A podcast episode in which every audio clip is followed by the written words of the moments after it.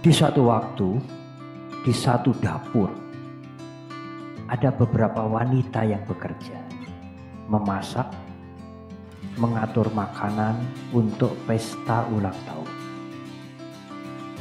Tiba-tiba seorang wanita yang bekerja di dapur itu ada kecoa nempel di sini.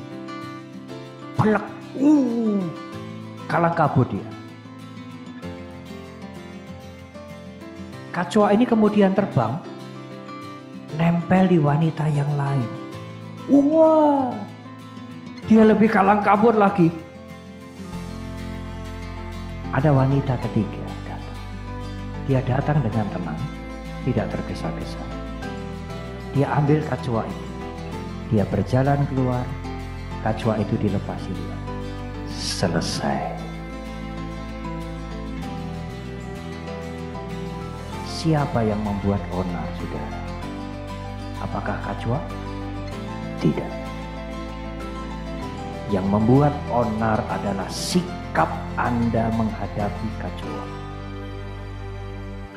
Wanita yang pertama ketakutan, geli, teriak-teriak. Kacoanya terbang pada wanita yang kedua. Dia lebih geli lagi sampai berantakan semua makanan apa kue tar semua sampai berantakan. Kalang kabut, menjerit-jerit. Wanita yang lain berjalan dengan tenang, kacuanya diambil. Apa sih bahayanya?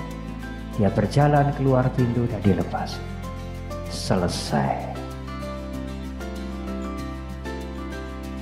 Siapa yang membuat penderitaan? Siapa yang membuat onar? Kita sendiri. Karena sudah ditanamkan sejak awal, kacua itu kotor, kotor, kotor, membawa kuman, Wanita yang ketiga tidak mempunyai pikiran itu, tidak ada stigma itu. Kacua ya kacua lah, ambil saja. Banyak kacua-kacua kehidupan. Berhati-hatilah, bukan dia yang salah.